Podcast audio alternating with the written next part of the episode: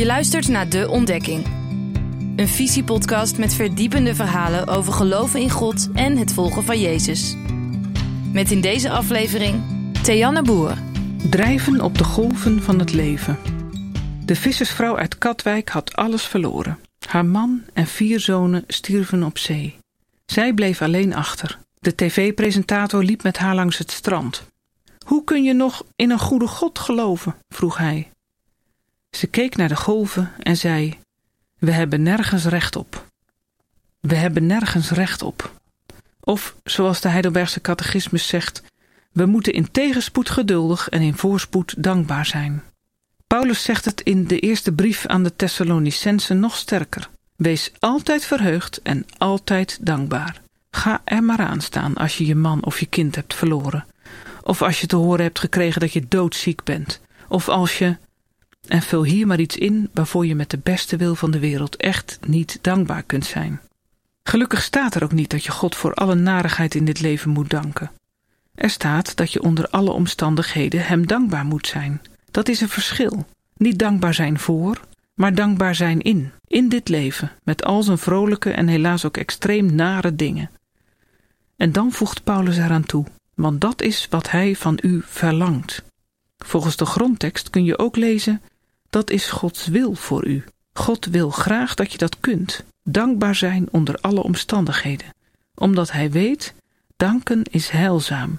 Danken tilt je boven dit leven uit. Danken geneest. De Canadese boerin Anne Voskamp had al het nodige meegemaakt toen ze zich op een dag afvroeg hoe ze weer vreugde kon vinden in het leven.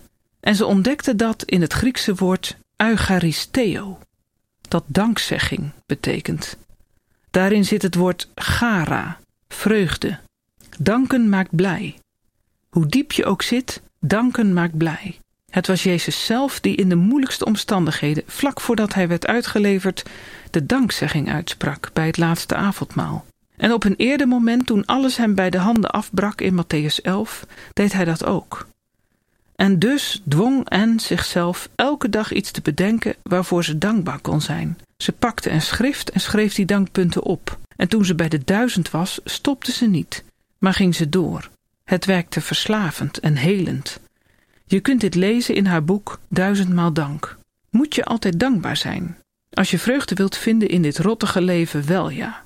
Hoe moeilijk dat soms ook is. Want wat is de werking van soms gedwongen dankbaarheid? Rust. Een uitstijgen boven de golven van het bestaan. Golven die je man en vier kinderen meesleuren. Dankzegging, eucharistie, is daarin een anker, een houvast omdat je elke keer weer optelt hoeveel van Gods goede gaven je hebt ontvangen, weet je, Hij heeft mij lief. En die wetenschap maakt dat je niet ten onder gaat in wat je overkomt. Met Gods liefde onder je voeten en om je heen kun je blijven staan en zelfs uitstijgen boven alle narigheid. Maar laatst maakte ik dit mee. Iemand had een rotdag gehad. Files, moeilijkheden op zijn werk, een kind met een of ander probleem, ruzie met zijn vrouw, een financiële tegenvaller en meer van dat soort dingen. S'avonds hief hij zijn armen ten hemel en zei: Ik snap niet dat de Heer dit allemaal toelaat. Ik snap niet dat de Heer dit toelaat. Dat is wat anders dan: we hebben nergens recht op. Dat heeft te maken met verwachtingen, met een godsbeeld. De vissersvrouw zei: Het is de Heer die geeft en de Heer die neemt, de naam des Heeren zij gelooft.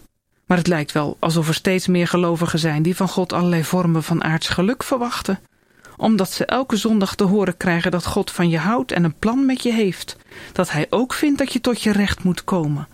En dan heb ik het niet over dikke auto's of huizen, maar gewoon over gezondheid en een redelijke portie voorspoed in relaties en zaken. We hebben een knuffelgod gecreëerd. Hij kan het en hij wil het, dus waarom niet? Gek eigenlijk. Omdat we zo graag benadrukken wat voor geweldige God wij hebben, worden we juist ondankbaar. Want God moet in al zijn geweldigheid dus ook van alles voor ons gaan doen. Ik denk niet dat dat klopt. We moeten inderdaad weten dat God van ons houdt, maar dat hoeft Hij niet te bewijzen door ons een rimpelloos bestaan te leveren. Laten we gewoon dankbaar zijn, altijd, voor een God die dichtbij is gekomen en met ons de rottigheden van het leven heeft ondergaan en als klap op de vuurpijl ook nog heeft overwonnen. Alleen dat dankpunt al maakt dat we blijven drijven op de golven van de zee die leven heet. Dankjewel voor het luisteren naar deze Visiepodcast. Vond je het leuk? Geef ons dan even een beoordeling in je podcast-app. Tot volgende keer.